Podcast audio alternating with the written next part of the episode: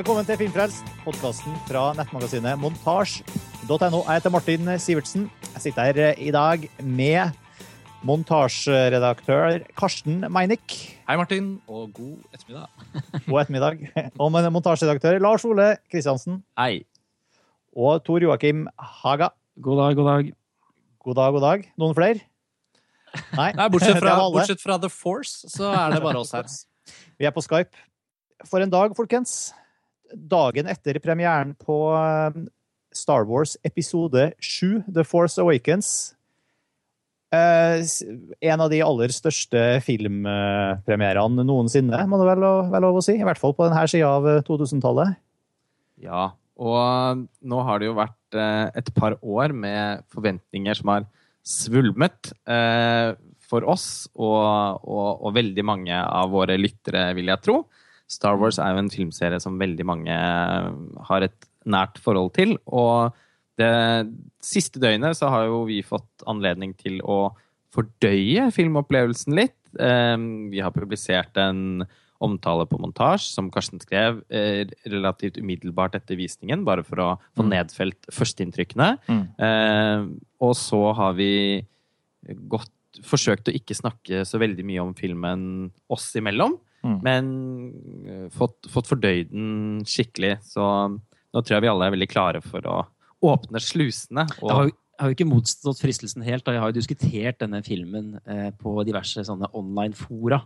Eh, men det, for det hjelper også å bygge opp sin egen sånn forhold til liksom, hva man egentlig syns. Mm. Det skal ikke undervurdere. det. Fora er veldig Er det noen som har rukka å sette den flere ganger nå? Eh, nei, Nei. ikke som jeg vet om av oss, nei. Nei. Men, det- men det er jo på en måte sånn Selv om jeg føler at uh, vi alle har et nært forhold til Star Wars, på den ene eller den andre måten, så føler jeg jo også at det er fascinerende å se at Star Wars som et filmunivers, og som en, en kultur, nesten, den har jo virkelig klart å Eller eventuelt, kan man si, de har med god corporate strategi klart å smitte uh, nye generasjoner. Både da Lucas lagde prequel-trilogien ved årtusenskiftet, og nå. Altså det at man ser at veldig mange unge folk, da, som kanskje ikke var født engang da Phantom Menace hadde premiere, på en måte, har en sånn Die Hard Star Wars Phantom gående og ligger i kø også. Vi er jo på en måte forlatt den generasjonen litt, og vi kan være proffe folk som går og ser den på pressevisning. og liksom så det. Så jeg føler liksom sånn, Det har også skjedd et skifte der fra eksempel da, da Ringenes herre-trilogien kom, som var kanskje den vår generasjons liksom, Ja, for at nå, nå er det jo mange som har et forhold til Star Wars basert på at kanskje de, det første møtet med Star Wars var nettopp da prequel-filmene som kom for 15 år Så tror jeg man- eller, eller det var Lego Star Wars. Ja, jeg skulle eller til å si det. altså ja. I den utvidede Star Wars-popkulturen så er jo på en måte universet og figurene og, og terminologien og ting er liksom spredt langt bortenfor spillefilmene. på en måte. Men jeg føler at når vi snakker om Star Wars, og når vi kommer til å snakke om Star Wars i denne podkasten, så er det jo spillefilmmytologien, da, som nå består av syv filmer, som er relevant å snakke om.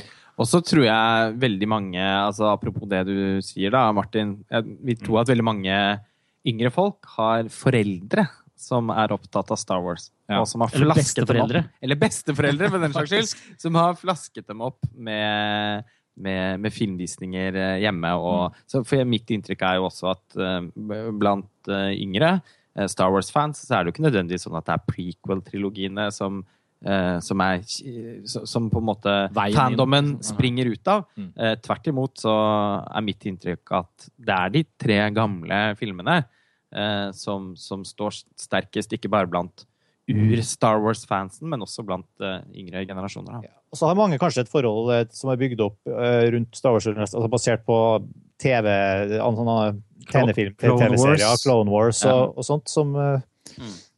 Som Eh. ofte Star Wars-filmene eh, har jo fortsatt aldersgrenser, sånn som gjør at de, de aller yngste må nødvendigvis, i hvert fall hvis foreldrene har gjort jobben sin, da slippe det på, på, si, på lavere nivå, altså via eksempel Lego Star Wars-dataspill eller, eller sånne ting. Og- Martin, du, du har jo konkret erfaring. Få høre litt. Du har jo to sønner. Jo, det er jo hvordan det. er det å være Star Wars-fan og far? Nei, altså, jeg må jo ha Jeg har jo hatt eh, barn som er bare inntil nylig, og bare eldstemann, som nå er ti år, har jeg liksom kun de siste eh, ja, året, to årene liksom vist Star Wars, altså sett Star Wars-film med.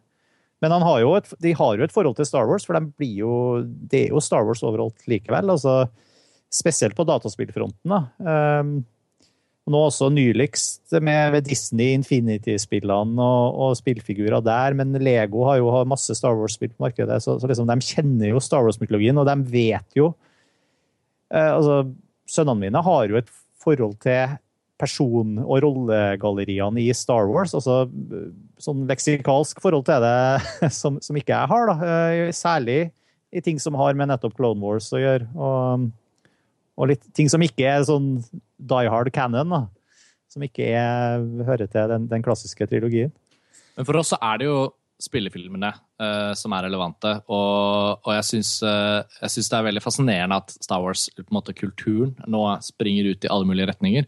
Men, uh, men det som kanskje Lucasfilm, nå som de er eid av Disney og skal liksom lage en ny filmtrilogi, og disse antologifilmene tenker på, er jo på en måte å å ha spillefilmene som den derre hva skal man si, mytologiske ryggraden som definerer hva som kan foregå ut i Lego-universet, ut i spillene og etc. Et ja. så, det, så det er vel veldig viktig også for å holde det universet ved like og holde inntjeningen høy, at spillefilmer, nye spillefilmer lages, nye fortellinger får, for sin, sin, sin, grunnleggende liksom, eksistens i mytologien. Og så kommer det utvidelser og utvidelser. Og der tror jeg du har rett at, at det er på en måte oss foreldre nå som, eh, som er, har bærer skulle skulle si, byrden, det er ikke noe byrde, men som har, har liksom ansvaret for å gjøre de filmene interessante for, mm.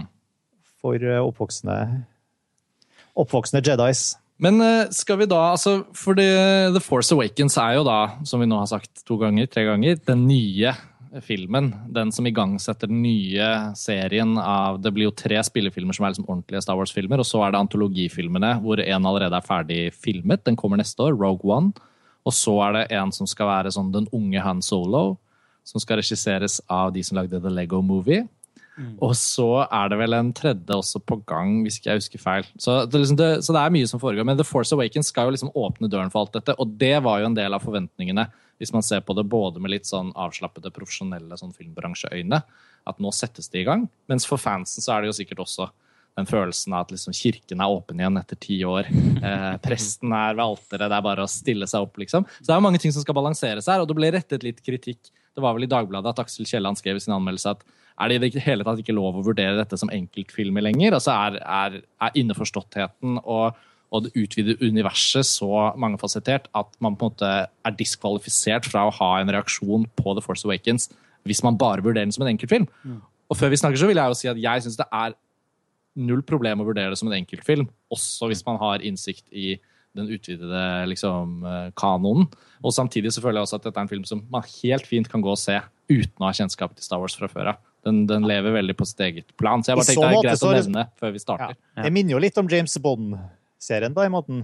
I og med at det er nærliggende å trekke den parallellen siden vi nylig har hatt en ny James Bond-film og, og, og, diskutert den også. Altså, James Bond-filmene har, har, jo den eh, veldig vekk store fanbasen og en lang tradisjon bak seg og veldig mye meta Veldig mye law, om du vil bruke det ordet, veldig mye meta rundt seg. Men, mm. men, likevel så er det jo faktisk mulig å forholde seg til enkeltstående filmer uh, på en fornuftig måte. På en måte. Også Marvel-universet Marvel er kanskje den beste sammenligningen. Det, er, det, er jo, det, må jo ha ligget noe bak der. Når Disney kjøper Lucasfilm av George Lucas, så er det jo allerede året før eller to år før kjøpt Marvel. Så som et sånt, hvis man skal, Nå skal ikke dette bli en sånn corporate kritikk, eller noen ting. Det er bare det at det er jo liksom, Man må liksom tenke litt på det. da, at Disney kjøper opp alle mulige barndoms... Så det er en slags sammensmelting mellom Marvel og Star Wars på et tidspunkt? Ja, det håper jeg ikke. Men altså at uh, Disney har i hvert fall sett verdien av å på en måte kontrollere og eie sånne store popkulturelle universer. Og på en måte utnytte det i form av alle mulige, i alle mulige retninger. Men, men. Jeg ville bare liksom komme innom dette innledningsvis, fordi, fordi denne filmen eksisterer jo ikke i et vakuum. Den er blitt lagd som en del av en en større på en måte igangsettelse eller renessanse for Star Wars-universet. Og den er jo på en måte både en, en reboot og eh, en fortsettelse av rett og slett nesten der hvor det slapp. Mm. Eh, for eh, i 1983 er det vel Return of the Jedi er fra. Mm. Eh, på, det var nesten forbløffende i hvor stor grad faktisk filmen var en fortsettelse. Mm. Og um, vi vil vel i denne diskusjonen forsøke da å balansere litt nettopp dette med å vurdere filmen som, eh, som et enkeltstående verk, og eh, som, en, som, en, film som springer ut av dette Star Wars-universet som vi alle er godt kjent med. og eh, flere av oss som sitter her, jeg i hvert fall, jeg vet at Karsten også til dels har gjort det, har hatt noen, nylig hatt gjensyn med alle Star Wars-filmene. Så um, for å eh, lade opp til The Force Awaken, eh, Awakens-visningen, så sånn sett så har vi jo også da de gamle filmene ganske friskt i minne, og det ville være naturlig å tenke at vi kommer inn på, på dem. Vi må vel ha en liten avklaring rundt eh, spoilers Ja. Rikke, her, før vi Jeg- går videre. Jeg, mitt forslag til det eh, er rett og slett at vi, at vi kjører spoilers. Eh, det har vært så mye forsiktighet rundt spoilers de siste to døgnene, knyttet til at fansen må få ha sin jomfruelige opplevelse av The Force Awakens. Eh, I vår omtale på montasje, som jeg skrev, så syns jeg det var en veldig naturlig ting å respektere. Det føles ikke på noen måte pålagt. Det kjennes bare naturlig. Jeg syns filmen absolutt har spoilere, og jeg syns folk burde se filmen uten å være kjent med handlingen på forhånd. Så denne podkasten den er for folk som har sett The Force Awakens, syns jeg. Og det er mye mer interessant. Snart har jo alle sett den. Ja, altså I går på åpningsdagen i Norge så solgte den 82 000 billetter. Og hvis det skjer i dag og i morgen og i overmorgen, så har jo på en måte en tiendedel av Norge sett filmen innen helgen. Og da tenker jeg vel at folk har lyst til å lytte til en samtale om The Force Awakens. Om ting som skjer i filmen og det hele og det hele. Så jeg syns vi skal spoile alt. Og jeg syns de som hører på, eh, ikke skal høre på hvis de ikke har sett filmen. Bra. Enig. Er vi enige? Det er enige. bra. Men kan vi ikke da starte med å snakke om filmen, litt hvordan vi opplevde den i utgangspunktet? Ja. La oss snakke litt om filmen. Ja, for det er altså sånn Jeg bare tenker vi kan starte med starten. Altså, Ja. Her kommer det gule, gule bokstaver. Vi hører John Williams første sånn Og så står det basically 'Luke Skywalker has vanished'. Det er liksom den første setningen. Og det har jo vært mye snakk om hva, hva, hvorfor er ikke Luke Skywalker på plakaten. Han skal jo være med i filmen. Hvilken rolle kommer han til å spille? Folk har jo ikke egentlig, jeg har ikke, Og jeg har ikke hatt lyst til å vite det. Og markedsføringsmateriellet har jo ikke brukt plott eller fortellingen i det hele tatt. Så det var veldig gøy at liksom første sekundet av filmen nærmest Luke Skywalker has vanished. Det er jo- det er jo liksom morsomt start. Det, det er jo overraskende, egentlig, hvor, selv om du får en del informasjon i den scrollen eh, om hva som har skjedd de siste årene fra Return of the Jedi, så er det overraskende lite egentlig som fortelles. Eh, og heldigvis så er vi også litt sånn fri fra alle disse her som Jeg og Lars Ole snakket om her forleden dag. Disse her eh, politiske og økonomiske tingene som sto i prequel, med toll, tollavgifter og embargoes og alt dette. Den intergalaktiske politikken. Ja, ja, ja, ja. Det var liksom veldig rendyrket. Det har gått, han er borte, og vi går inn i handlingen der og der. Helt på samme måte. Veldig i tråd med da originaltrilogien. Ja. Eh, og, den, eh, og, det, og selv om det har gått vel 30 år eh, imellom The Return of the Jedi og, og handlingen i denne nye filmen, så eh, blir man liksom kastet litt sånn in medias race eh, inn i universet igjen. Og det tror jeg er et veldig klokt valg, eh, fordi som, som, som, som eh, For alle de i publikum som har et nært forhold til serien, så føler man jo da umiddelbart at man eh, blir kastet tilbake i noe som i, et univers som man setter veldig stor pris på. Eh, og så allerede der, og det er jo den nostalgifaktoren ved filmen, og de både styrkene og, og svakhetene som, eh, som er et resultat av det, det kommer vi jo til å diskutere grundig etter hvert her. Men ja, den følelsen av noe utpreget nostalgisk eh, kommer jo da umiddelbart. Ja, og vi skal ta en sånn kort runde på det, så, så er det jo liksom de tingene som treffer oss først. Den følelsen av gjenkjennelighet, men som jeg også skrev litt i omtalen, altså nysgjerrighet. Jeg kjente med en gang at jeg ville inn der. Jeg følte det bare tok to minutter før det føltes sånn un helt umiddelbart. Sånn føltes det Star Wars. Den der følelsen at ja, nå er vi hjemme, nå er vi her igjen. Ikke sant? Var det sånn for deg også, Martin, eller var du Ja, men alle filmene har, har jo den samme Akkurat de første sekundene med, med sånn er jo, er jo lik. Og jeg, jeg, jeg er kjempeenig i det. Altså, det er jo veldig godt sånn treffende poeng, det her med at de her eh, episode 1, 2 og 3 har jo eh, veldig eh, innvikla plott, egentlig. Mm. Og, og masse, masse eh, dialog Altså, filmene er veldig dialogbasert, og det er veldig mye politiske intriger, sånn som jeg føler med seg. Mens her er vi jo tilbake på ganske sånn banale, egentlig irrelevante eh, plott med, hvor det handler om, om de samme tingene som alltid handler om, og hvor liksom Luke Skywalker har forsvunnet, og det er noe kart og noe beskjed her og der, og vi må ha tak i droiden. Alt det her er egentlig Ja, art, det er bare tull. Og så Det er ikke det det handler om. Men- Ikke sant?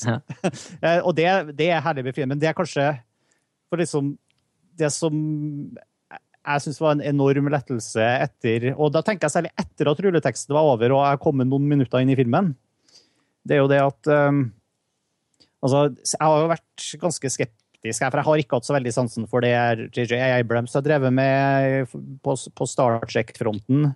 Og når han prøvde liksom å, å revitalisere og reboote det og, og bringe tilbake Her har han også gjort det med å bringe tilbake gamle skuespillere. liksom live opp et, et, eh, et, sånt univers på nytt. Og eh, det som var så utrolig godt å se her med Star Wars, fra, fra det er at uh, her er vi tilbake også i den samme uh, visuelle og stilen fra de første filmene, hvor, hvor det er tatt produksjonsmessige valg. Liksom, hvor det, det har med liksom alt fra kostymer til tekstur og lyssetting og, ma og masse fysiske effekter. Og de prequel-filmene leder jo så veldig av å, av å være så glossy, CGI-basert uh, uh, Altså, det er en helt annen feeling i de prequel-filmene. Og jeg føler at med The Force Awakens så var det veldig tidlig i filmen etablert at her er, her er den gode, gamle Star Wars-godfølelsen tilbake. Da. Her, er det ting, her er det romskip og kulisser og scener som, som ikke ser ut som kulisser. Ting føles litt mer sånn ekte, for å bruke det uttrykket. i en sånn... Ja, men Jeg er helt eh, enig med deg, Martin. Altså, de har liksom tatt utgangspunktet i stedenes Eh, utseende. Altså, her er jo da altså ja. snø, og det er ørken, og det er eh, skog... Det støv og skitt. Ja, skogkledde ja. landskaper. Og så har de brukt det som er der, og så har de iscenesatt det, fotografert det og gjort det ut ifra stedenes premisser. De har ikke lagt på liksom, for å skape stedene fra scratch. De har liksom brukt Ok, her skal vi ha skog. Da, lager vi skog. Her skal vi ha snø. Da blir det sånn hot fra, fra, Empire Strikes Back. Og her skal vi ha ørken. Da blir det Tatooine. Altså, det er veldig tangibelt, stofflig og teksturelt. Ja. Da, og Det er den store forskjellen her. Og Det merkes kjempe... Det, jeg, det satte jeg veldig pris på. og det var... Det var kanskje det som var den største sånn lettelsen, selv før vi fikk møtt noen av hovedpersonene ordentlig. og sånn, så, ja, ja. Som vi sikkert skal snakke mer om. Jeg er så enig, og det, og, og det koker ned til en sånn følelse av tyngdekraft for meg. Mm. Rett og slett tyngdekraften. At ting ser ut som noe ordentlig. Og jeg tror det, det er liksom sånn Det første bildet som på en måte gjorde at hjertet mitt virkelig roet seg ned. Det var sånn derre Ja, OK, dette. Nå er vi Det er så, det er så deilig. tenker du på? Ja. Jeg tenker på når hun tar den der lille metalldingsen som hun har de tingene, og så aker hun ned det der ja. ørken. Ja. Det er en sånn sandbanke på ørkenplaneten der, hvor hun, hovedpersonen, Ray, som vi akkurat da på en måte har blitt kjent med, hun har vært inni dette skroget, som da også er en fantastisk sekvens altså i seg selv, og det fungerte veldig bra i 3D. Men den der følelsen når hun bare setter seg på den lille metalldingsen og liksom aker ned en sånn ørkensandbanke. Mm. Da tenkte jeg sånn Ja. Her er det en rollefigur som på en måte tar elementet hun er på, i bruk. Ja. Og vi får se at hun har tyngdekraft. og Det høres jo helt elementært ut, men det er noe med at prequel-trilogiens liksom syntetiske eh, verden Den har liksom lagt en liten sånn skramme i den derre Dette var Altså, i en galakse langt, langt borte som er det aller første vi ser i filmen. Det er jo noe med at vi skal også tro på at dette har skjedd. Og det var jo noe av Peter Jacksons strategi med 'Ringenes herre', husker jeg. At liksom, det skal være som at vi kommer tilbake og skyter en dokument eller sånn, sånn. Vi skal liksom, Den verden som 'Ringenes herre' skal foregå i, skal være levd i. Det skal være en følelse av Laget av hender. og det hadde jo George Lucas gjort i de første Star Wars-filmene. Det er veldig ja. mye av den samme følelsen der. Så det, det og på samme måte som Hobbiten eh, skled ut i en CGI-fest, så Eh, ser jo altså disse pre, altså, Hobbiten ble jo også en prequel-trilogi, faktisk. Ja, det må være en forbannelse tilknyttet eh, dette med prequel-trilogier. Fordi jeg hadde jo da nettopp et gjensyn med, med prequel, Star Wars prequel-trilogien. Og, og, det var et uh, ganske drepende gjensyn. Uh, fordi jeg må jo innrømme at dette er filmer som jeg på en mer ukritisk måte omfavnet i min ungdom. Selv om jeg også den gangen satte aller mest pris på de, de gamle filmene, så var jeg ganske entusiastisk til, til prequel-filmene også når de kom på kino, og jeg så de mange, mange, mange ganger. Og, men, og det var noe et eller annet med at det, det CGI-fiserte universet den gangen nok, i hvert fall for meg med, med unge øyne, opplevdes som noe litt freshere da, enn det det gjør nå, hvor det nesten er som å gå på et museum. Uh, og det er liksom det, det, er, det, er, som noe fra en annen tid, men på en veldig negativ måte. Når du sier, eh, Karsten, at eh, det er i en galakse langt, langt borte, så er de, den galaksen i uh, prequel-filmene er liksom litt for langt borte. Eh, det er så fjernt fra noe man føler at man kan ta på. Eh, de filmene ser jo på sitt tristeste ut som liksom avanserte dataspill. Screensavere. Ja. Ja, screensaver, altså skjermsparere, rett og slett. Og det er noe med en, en fraværende tyngdekraft i det universet. Altså bare lightsaber-sekvensene, da. Hvor, hvor de på en sånn akrobatisk måte liksom flakser rundt og virvler rundt i luften. Eh, på en måte som gjør at man føler at her er jo alt mulig. Det er ingenting som står på, på spill. Når da også denne eh, konflikten med alle disse, den intergalaktiske politikken, med disse tollavgiftene og gud vet hva det er for noe, eh, og en veldig platt kjærlighetsdrama mellom eh, Anakin Skywalker og, og queen Amidala. Og, og altså Filmene mangler ved gjensyn, syns jeg, da, en, eh, en narrativ fremdrift, egentlig. I tillegg til, til at det visuelle ligger så fjernt fra det originale Star Wars-universet, så mangler det også en narrativ fremdrift som gjør at man blir engasjert og rett og slett enda mer elementært un, altså sånn bare underholdt. Eh, jeg opplevde jo at jeg syntes filmene var overraskende kjedelige i forhold til hvordan jeg, hvordan jeg husket dem. Eh, og til og med altså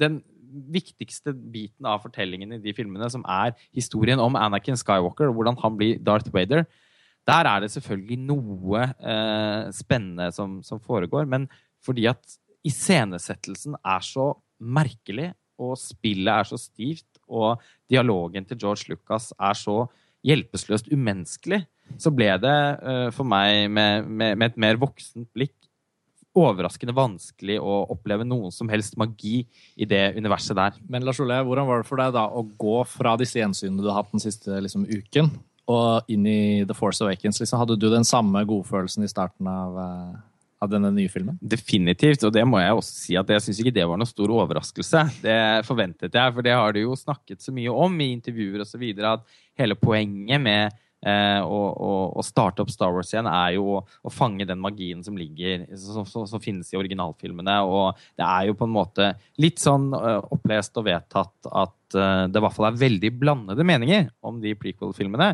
Og JJ Abrams har jo vært veldig tydelig på at han ønsker å gå tilbake til en eh, til et mer sånn, holdt på å si, jordnært eh, univers med utstrakt bruk av fysiske effekter. Og den, filmen er skutt på fem, 35 mm, også noe 65 mm. Um, det, det har de vært tydelige på hele veien, og traileren også, som vi jo har sett på med, med, med stor entusiasme, har jo i veldig stor grad bekreftet det inntrykket. Så det var ikke noe overraskelsesmoment på, for meg.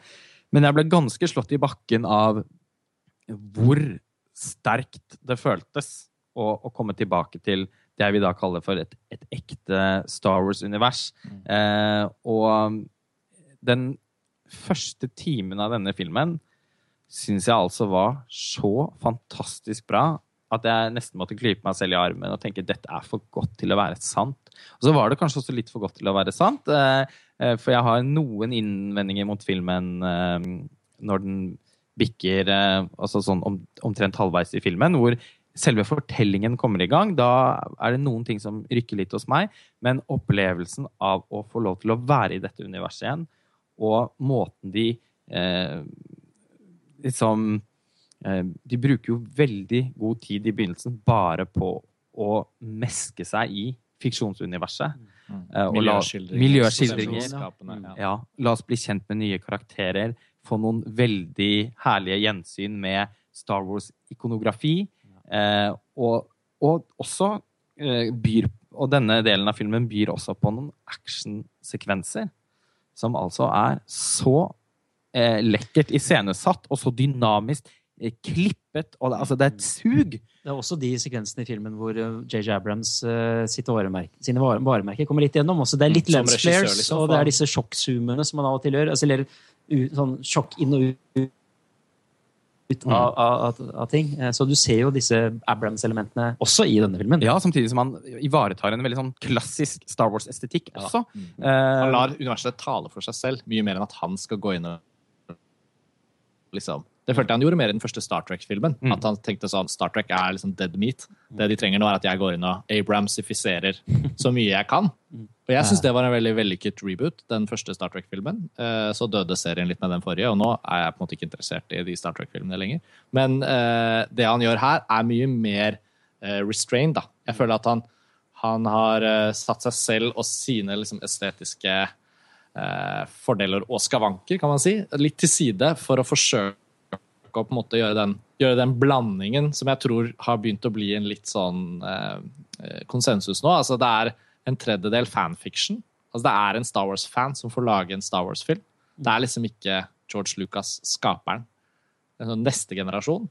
Sånn at det har den derre meta-elementet med at han selv Altså, det er en tredjedels fanfiction, det er en tredjedels JJ Abrams, og så er det liksom en tredjedels ja, Jeg vet ikke hva den siste tredjedelen er, egentlig. Men eh, det føles som om det er liksom noen elementer som, som møtes, og som i nesten alle bitene av filmen, for meg i hvert fall, går opp i en bra høyere enhet. da. Og så skal vi helt sikkert snakke Det er vel kanskje en tredjedel George Lucas her òg, fortsatt.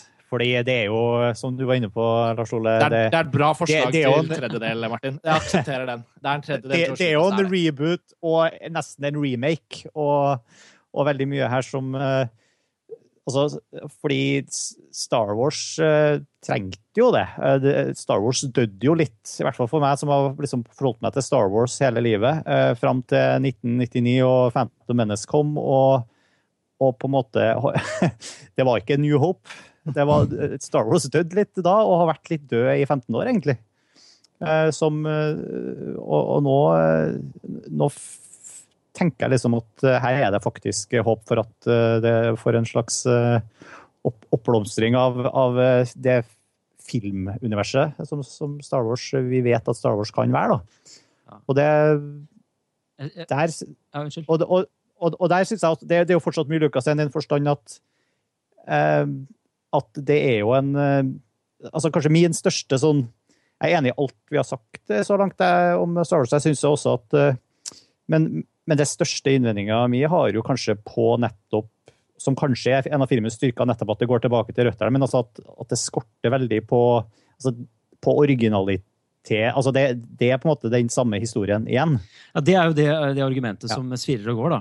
Um, Ja, og jeg vet ikke om, om det gjør så mye egentlig, men det er jo, det er jo på en måte en, en remake i den forstand. En remake på en måte, Mm. men jeg er også litt jeg er motstander litt av den, den, eh, den, det argumentet. da, fordi at eh, jeg ser jo på denne sagaen som en slags Ja, det er jo en familiesaga. Det er jo en sånn Helt sånn klassisk saga, sånn som du ser med indiske Mahabharata, eller med, med her i Norge har du Snorresagaen. altså Du har disse Ja, her, ja, det har alltid vært mytisk. Det er alltid mytisk, og så er det da disse, her, disse elementene som jo Alt er jo sirkulært. ikke sant? Det går igjen i epoke i epoke, fra generasjon til generasjon. Så er det de, mye av de samme utfordringene, de samme liksom um, konfrontasjonene mellom krefter osv. Dette er jo ting som går igjen i familiesagaer, så derfor har jeg altså jeg, jeg har ingen problemer med at filmen er eh, en slags uh, nytolkning av en del av det som New Hope uh, da var. Men, men den er jo også en nytolkning på de litt sånn mindre på punkter som er mer sånn Moss Eisley-sekvensen, for eksempel. Ja, at, Ja, at, du, at du har en altså, droid Moss ja. Eisley og, og Death Star og altså, Det er så mye kickback, sånn throwbacks og, Jeg ser og Ja, dette er en av Altså, dine innsigelser, er det ikke? Jo, det er det. Altså eh, Jeg er enig med Tor Joakim, for den skal sies. Jeg har ikke noe problem med gjentakelsene. Nei, jeg hadde Ja. litt problem med det. fordi at, eh, som sagt så syns jeg den første timen av filmen var så overveldende god. Eh, og det handlet også litt om at det var noen, eh, var noen gnister av noe, noe nytt der. Eh, det er f.eks. en helt fantastisk sekvens hvor eh, de nye slemming, slemmingene, eh, The First Order, ankommer en sånn ørkenplanet. En sånn- ja, en sånn, og en sånn ørkenlandsby hvor de utfører en sånn massaker. Eh, som da også har noen, noen ytterst sjeldne dråper med blod i dette universet. Som det, det var, det, den sekvensen hadde en sånn brutalitet over seg som jeg satte veldig pris på, og som satte en tone for filmen som jeg også, hvor jeg virkelig følte at her har man også gjort noen grep for å modernisere universet litt. Eh, eh, det var Og, og det var en det var, Der var det liksom Og det var utelukkende nye karakterer. Mm. Og det er jo, den massakren er også en igangsettende hendelse for en av hovedpersonene i filmen. Ja. Eh, denne Finn, som er en sånn stormtropp-desertør. Mm. Og, og, og den scenen både er bra som sånn bra, sånn wow, spennende, Max von Sydow som en sånn, altså sånn De to minuttene han fikk. Ja, men altså men han kommer med gravitas, og Ja, ja. han, han drar med gravitas, på en måte.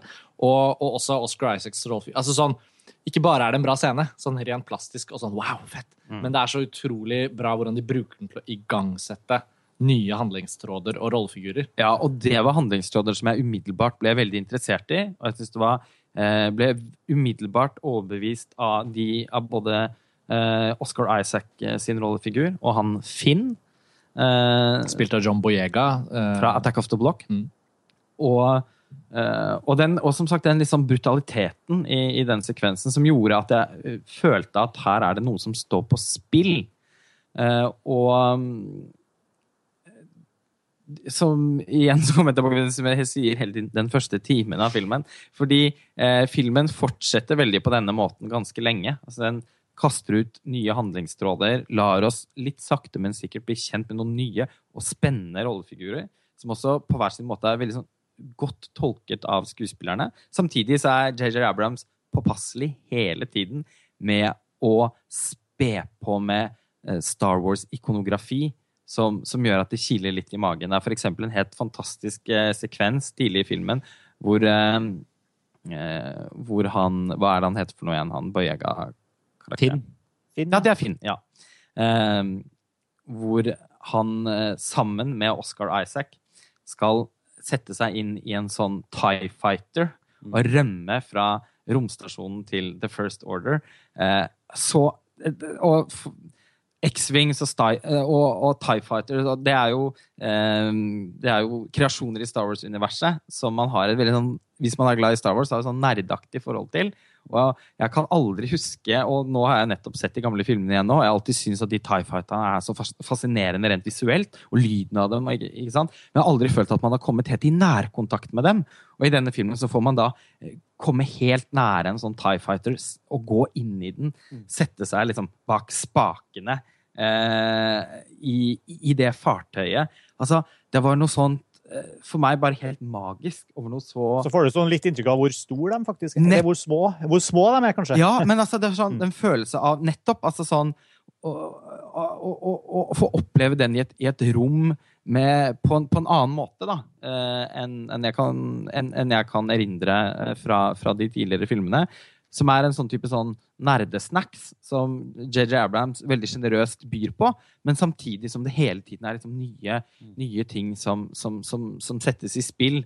Eh, mens halvveis omtrent i filmen, hvor på en måte eh, selve fortellingen eh, skal eh, ta mer plass, så opplevde jeg til en viss grad eh, å bli litt skuffet over at den i så stor grad eh, baserte seg på tidligere handlingstråder, da.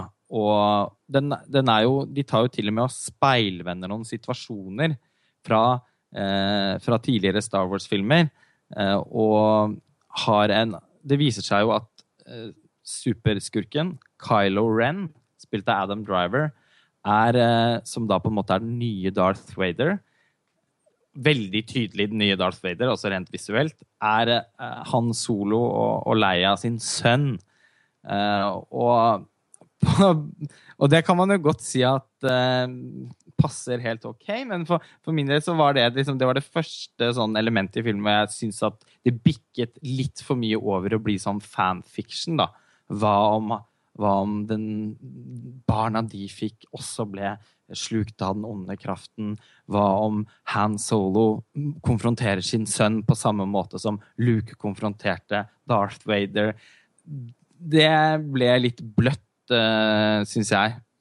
Jeg syns jo det var en fantastisk idé, som, som, som speiler Ja, speiler mytologien fra, fra eneren. eh, Og The Empire Strikes Back. Empire Strikes Back, men som, som er det holder akkurat nok igjen. Altså, vi, jo, vi, ikke, vi vet jo ikke hvorfor Kylo Ren er blitt uh, den han er blitt. Det håper jeg vi får sett kanskje i toeren og, og treeren som kommer. Så, så jeg syns det er en helt naturlig del av hele den der, som jeg snakker om, hele den familiesaga, eh, kronologien, eller eh, eh, den sirkulære kronologien. da. Jeg syns det er Ja. Jeg, jeg syns det er et kjempegodt poeng. Tror jeg, jeg er mer tilgivende for det, jeg også. Men jeg tenker også at men det, da syns jeg det her er andre plottelementene som ikke har med den eh, sirkulariteten av sagene som har med rent sånn Ja, vi, har en ny dødsstjerne, man må kjøre inn der og skru av skjoldet og inn der for å få den til å eksplodere. Altså, og den skyter den store strålen. Altså, alt det her virker for meg som det litt den late delen av det. Ja, fordi det er jo tredje gang. Altså, Du har jo både i A New Hope og The Return of the Jedi. Og, og Ja. nå har det kommet en Death Star som er enda større, en sånn voldsomt mye større enn noen tidligere. Og hvis vi skulle misforstå det, får vi også se det i en scene hvor de sammenligner. Ikke sant. Hvor du får se de to kartene bare sånn Her, se hvor mye større den er. Eh. Og så liksom får man se det. Jeg er også enig i at dette med Kylo Ren, og han er sønnen av Harrison, altså Harrison Fords rollefigur, Han Solo, eh, Princess Leia, det har jeg ingen problem med. Tvert imot syns jeg det var ganske eh, bra. Jeg synes også det er interessant som et enda et sånt metaelement at Kylo Ren, denne filmens bad guy, blir jo også skildret som en fanboy. Han har jo på en måte klart å få tak i den smeltede hjelmen, maska, til Darth Vader, som han har laget litt alter til. Eh, og han er jo på en måte en slags sånn Han er jo speilbildet på JJ Abrams. ikke sant? I will finish what you started.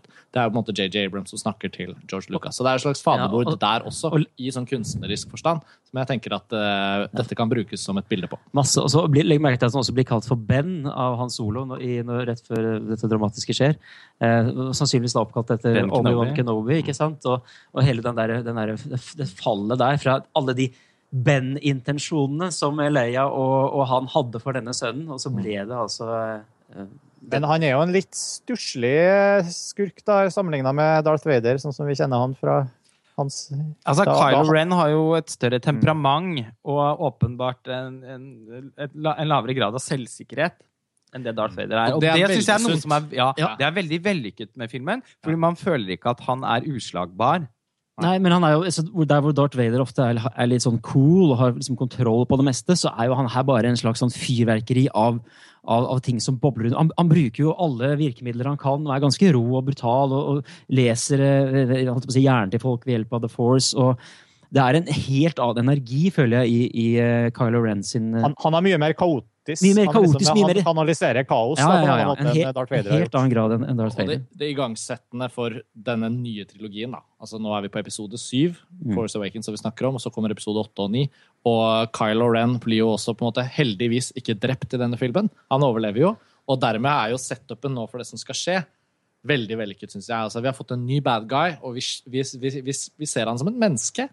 Sønnen til Han Solo og prinsesse Men Leia. litt som et barn også. Men litt som et barn, og vi Mm. får se han på sårbar og Vi får se at han ikke har kontroll på eh, frøken eh, Ray, som viser seg å ha enorm eh, kraft. Mm. Eh, og disse, disse avhørssekvensene som han gjennomfører, både med Poe Dameron, piloten, og med Ray, som de scenene speiler hverandre i filmen. Og jeg synes jo he, ikke sant, hele den runden, til og med den lille bickeringen han har med denne grå Hva skal vi kalle han, da?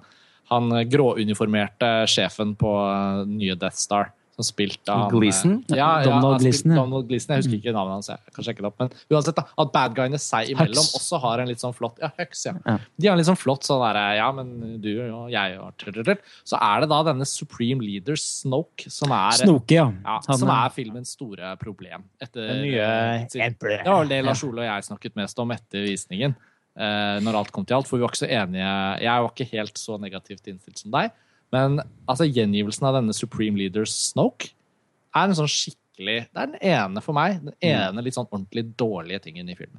Ja, og det er dårlig på en veldig bemerkelsesverdig måte, fordi her har man forsøkt å lyktes med å skape, som vi har snakket om, et univers med en, en fantastisk tekstur og, og en eh, og, og med så mye utstrakt bruk av fysiske effekter og sånn, som jo er så gledelig med prequel-trilogiene, dessverre friskt i minne. Eh, og så eh, har man da klart å lage denne supreme eh, leader, eh, Snoke, eh, som en sånn enorm kjempe. Han viser seg da å være et hologram. Det er litt formildende. Mm. Men likevel så ser det veldig sånn tufset ut. Og bare én ting er at CGI-effekten på han er dårlig. Eh, og det er jo helt utrolig med tanke på hvilke eh, budsjetter og med hvilken omsorg man har hatt for, for det visuelle uttrykket til denne filmen. Men, eh, og, men det er også designet på han. Han ser ut som en sånn forkastet skisse fra en Harry Potter-film fra 2002. Eh, med sånn snerpete Voldemort-munn. Og det er noe sånn ufattelig uoriginalt over visualiseringen av han, som jeg tenker at i løpet av to minutter så klarer man å komme på en bedre idé selv. Altså, hva om han da bare var en sort kappe uten ansikt? Bare force. Altså, han skulle jo vært mye mystisk. Eventuelt kunne de valgt å avsløre han eh, mer visuelt senere i, i løpet av trilogien. Men her går det litt sånn all in med en gang. Eh, og dessverre da så er liksom den visuelle ideen for hvordan hans karakter skal fremstilles, eh, veldig eh, svak, syns jeg. Det er underlig at, at JJ Abrams og de andre, film, andre i teamet har liksom følt at ja, det, det kan ikke bli bedre enn dette. Nei, men jeg, akkurat det, det er en av de få Jeg har også noen innsigelser skjønner du, rundt, rundt filmen. Smårusk, som jeg kaller det for. For det, det er fremdeles en fantastisk film. Den raser rett inn på mine, mine topplister. Men smårusk. Og det er en sekvens. Altså, jeg kjøper hele konseptet som er i Star Wars On, med å ha alltid en sånn duo på the dark side. Altså en, en mentor og en elev, som vi har sett hele tiden med Sitene og med Ja, helt fra starten, egentlig. Eh, med, Keiseren og Darth Vader. Eh, men, men altså bare den, den visualiseringen av, av han og av de små sekvensene som var der, også dialogmessig, syns jeg var litt krøkkete. Mm. Eh, Så det er det, der, der er jeg enig med deg, eh, Lars Ole, på det momentet der. Og du Ja. også. og Ja. Og, og, men akkurat, og, og, der er det, er liksom, det er jo et sted hvor man har forsøkt å egentlig kanskje gjøre noe litt originalt, da. Men mislyktes. Og så kan man jo si altså Når dere snakker om, øh, om Kylo Ren og, og, og, og, at Han er, ja, og at han er sønnen til Han Solo og Leia. Altså, jeg syns egentlig deres argumentasjon for, for at det fungerer, er ganske overbevisende. Eh, Jeg ser også fram til å se filmen igjen. Eh, hvor jeg vil anta at noen av de innsigelsene mine kanskje demper seg litt. Men det handler også litt om at det settes da når det, I tillegg til det, når det er når klimakset i filmen, eh, som er ødeleggelsen av den nye dødsstjernen og sånn, blir så likt tidligere altså situasjoner i, i, og handlingsstråler i, i Star Wars-universet, så sitter jeg litt igjen med en følelse at man med hell kunne ha anstrengt seg mer for å lage en ny og virkelig sterk fortelling satt i dette universet. Jeg får litt en sånn følelse av at eh, mange manusforfattere sitter på et møterom og kommer med ideer og innspill til alt man ønsker å proppe inn i filmen. Ned i denne eh, romslige sekken som utgjør Star Wars-universet. Vi må ha med litt av det. Vi må ha med Han Solo, vi må ha med Leia. Eh, vi ønsker å gjenta eh, far-sønn-motivet fra The Empire Strikes Back.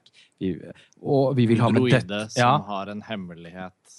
Og vi ønsker å ha med Dødsstjernen. Eh, og i, i, selv om veldig mye av dette fungerer som underholdning, for det er en film uten et eneste kjedelig øyeblikk, og dette gjelder også den siste halvdelen av filmen, syns jeg, så savnet jeg en sterkere følelse av spenning. Eh, det ble kanskje litt forutsigbart, syns jeg. Eh, og derfor kunne man, ja, som sagt, syns jeg i hvert fall, med hell laget en, en, en, en original fortelling for denne filmen som Ja. som etterlot sterkere inntrykk. Jeg, jeg føler jo ikke at Jeg er for så vidt ganske enig med at eh, det her med dødsstjerne, Starkiller, som det nå heter, her, er et eh, kanskje litt sånn oppbrukt element. Men jeg føler heller ikke at det er klimakset for filmen. Jeg føler ikke det. Jeg føler at det, det klimakset for filmen er, eh, er ly, lyssaber, hva heter det? Lettsabel, som det heter i Min- prequel-trilogien. Min fars lette sabel. Det, den duellen Fantastisk flott duellsekvens i, i dette her i den vinterskogen med, med Kylo Ren og, og Ray og, og, og Finn. Det er det som er filmens virkelige sånn eh, actionklimaks. Og legg merke til hvor, hvor litt sånn klumsete, vimsete disse, disse ly- lys... eh, Hva heter det? Lyssabelduellene er i forhold til de det her vektløse greiene i prequelene. Det er altså, Du ser at de har ikke helt, i hvert fall ikke Ray og Finn har helt kontroll på dette her. Eh, Kylo Ren litt mer. Og det er noen sånne standoff-aktige øyeblikk hvor også liksom lyssabelen går ned i snøen, og Ja, du hører liksom ja, ja, det smelter. Altså, det er, smelter. Altså, det, er, det er det som er filmens klimaks, som er det, det, det, good versus evil, light versus darkness. Det er der det møtes, og så er det da det her andre voldsomme, spektakulære med dødsstjernen. Men det problem, et problem. Ja. Og, og du kom inn på det etter pressevisningen, Lars Ole. Eh, nå kom du ikke inn på det på ny, så da kan jeg jo nevne det, men dette er jo ditt poeng. Eh, et veldig stort problem de gjør, og det kjente jeg på enda mer nå som vi snakker om det, det er det at når The Starkiller Bates skal liksom tas i bruk, ganske sånn midtveis i filmen, så tas den jo i bruk og destruerer hele eh, Korusant. Coruscant planet. Altså sånn, egentlig skjer det jo en helt gigantisk dramatisk hendelse. Ja, det det. Som på en måte bare sånn og så Besvares med et skuldernikk. besvares med et skuldertrekk fra både rollefigurer, filmskaperne og i det hele tatt. Og derfor føler jeg at uh, når vi da mot slutten av filmen følger våre helter som skal forsøke å uh, uh, destruere denne nye Death Star, da, sånn at den redder, redder dagen, da føler jeg også at liksom Ja, men skaden har allerede skjedd. Ja. Eh, det er liksom Ja, det er ikke et klimaks, men det er heller ikke spennende, fordi i alle Star Wars-filmer så har de alltid klart å ødelegge Death Star. Og når de nå har brukt motivet igjen, så syns jeg det er forbløffende at de ikke har brukt det, og så sagt at ja, men vi vet, derfor skal det skje noe litt annet denne gangen. Jeg syns at en av feilene er at de tar den i bruk. Det gjør de jo også gjennom med Alderan, da. Ja, det vet jeg. Ja, ja, ja. Men derfor blir jo kopien enda mer åpenlys. Det de burde gjort, er at den ikke på en måte skulle ikke vært sånn at den ble tatt i bruk. Nei. Den skulle vært mer som en sånn Altså at også rollefigurene kanskje var sånn «Ja, Men i helvete, har de faen meg laget en ny Death Star igjen? Lei av liksom Å, herregud, skal, vi ikke ha, skal, skal ikke jeg leve et liv uten at det dukker opp sånne Death Stars? uh, um, men men altså, kunne på en måte heller oppdagelsen vært Ja, men den er så komplisert at, at de er ikke i nærheten av å kunne ta den i bruk ennå. Men det de har gjort denne gangen, er at de er jo ikke en Death Star, dette er en Starkiller. Den suger kraften fra en sol. Mm. Så måten denne planeten kan gjøre skade på, er så enorm at konsekvensene burde ikke vært synlige før i episode 9. Nei. De burde jo satt opp mye mer som en sånn derre Og så kunne jo klimakset vært det du sier. Kylo Ren, far, sønn, disse nye rollefigurene. Så, så med en gang de destruerer Coruscant, så blir det jo litt sånn Oi, ja, OK. Altså, da- det blir jo liksom millioner av eh, mennesker og dyr Og vesener. og vesener som, eh, som, som dør i løpet av noen sekunder. Eh, og de, når de konsekvensene er så grusomme, da, eh, så er det veldig merkelig at For det første så er det merkelig at man har antatt at publikum har en, er så innforstått med Mm. eh, hva disse planetene er, og hva egentlig ødeleggelsen innebærer. Vi får jo knapt se Det er liksom ett bilde det- fra en sånn balkong der hvor de ser opp mot solen, og solen blir jævlig kraftig, og så bare Å nei! Og så borte. ja, Og så, bru, og så bruker jo det våpenet sola som driv... Mm. Eller som Jo. ammunisjon, så den ødelegger jo solsystemer for å ødelegge andre Ja, det var litt for store omveltninger på gang til å bli avfeid med et slags narrativt skuldertrekk sånn midt i filmen. ja. Og, Og det og, og, og, jeg bare sier, det, det føltes jo mye mer alvorlig skulle jeg til å si, da alderen ble Ja, og det, er det, det blir jo Offscreen. uh, av det. respondert på. Det går et sjokk gjennom liksom, Ja. kraften. Alle føler det. Det er liksom, ja. Åh, nei, hva er det som har skjedd? Det har skjedd noe grusomt. Hva er det Riktig- riktig- riktig nok ser ser du at du- Jeg husker ikke. Ja. Yoda rynker litt på nesa i filmen der. Ja, men her er det liksom ehm, eh, Jeg syns jo på en måte dessverre at, eh, at de elementene der er rett og slett bare litt sånn svak historiefortelling. Og det er ting man med ganske enkle grep kunne løftet veldig, og som kunne gjort at vi følte eh, ødeleggelsen på, på kroppen på en, helt, på en helt annen måte, som jeg også altså, som hadde gjort at jeg ble mer emosjonelt engasjert i, i hva som skjedde. Og jeg ville jo da foretrukket, på, akkurat som Karsten sier, at, man, eh, at vi ikke hadde fått, fått en demonstrasjon av hvor mektig dette nye våpenet er, men at man heller hadde fokusert på rollefigurenes forsøk i å stanse den, og, og kanskje heller lagt opp til en litt sånn heistaktig eh, bit av filmen. Eh, og det hadde i og for seg også minnet veldig mye om A New Hope, men der er det rom for et, eh, et, et løft. Altså eh, eh, her, kunne man med, med den bevegelsesenergien som ligger i JJ Abrams sin regi, eh, klart å, å laget noe veldig spennende, tror jeg. Eh, og så har man tatt andre valg, og det må man jo også på en måte respektere. Men det er er, I den biten der så syns jeg det er noen ting som åpenbart skurrer litt, da. Jeg synes det var, alt det der var litt sånn, jeg, jeg kjøper alt det der. Jeg bare synes det er litt sekundært i forhold til det som er filmens egentlige nerve, filmens egentlige klimaks. Filmens egentlige eh, altså det er, det er altså forholdene mellom disse protagonistene og antagonistene som, som på en måte er, er kjernen, kjernen av historien, og, og er der man må søke etter kvalitetene. Eh, mens den dødsstjernen var litt ad hoc, kanskje. muligens. Martin, du har vært veldig stille. Få høre litt mer om hva du tenker. Uh, er, hva er, hva er liksom dine innsigelser? Du, jeg kom jo med noe, jeg føler jo vi har, jeg nevnte jo noen av dem veldig tidlig, og det, det har jo gått på nettopp de tingene vi, vi har snakka om nå. At jeg føler at det, det skorta litt på originalitet. Da. Og det, var egentlig det, det er vel egentlig den største innsikten. Jeg må også si, bare for å vri samtalen litt annen retning, at jeg, jeg, jeg var også veldig fornøyd og, og positivt imponert over uh, de nye hovedpersonene. Jeg, lik, jeg syns uh, noen som har satt utrolig pris på at de her uh, Finn og Ray, altså de to nye hovedrolleinnehaverne de har fått der, som åpenbart da, kommer til å bli viktig uh, framover, ikke minst nå som Harrison Ford Det var for det første veldig ku, altså Harrison Ford tilbake som Hans Ola igjen, syns jeg var kjempegøy og fint at det kanskje da bare blir én film Ja, hvor det skjer. altså, Altså, vi det har sagt- bra, men altså, de, Vi har sagt at vi skal ha spoiler i denne episoden. Ja. Kan vi ikke bare Mm. si ting høyt, sånn at det ikke føles som at Jo, jo. ikke kan si det?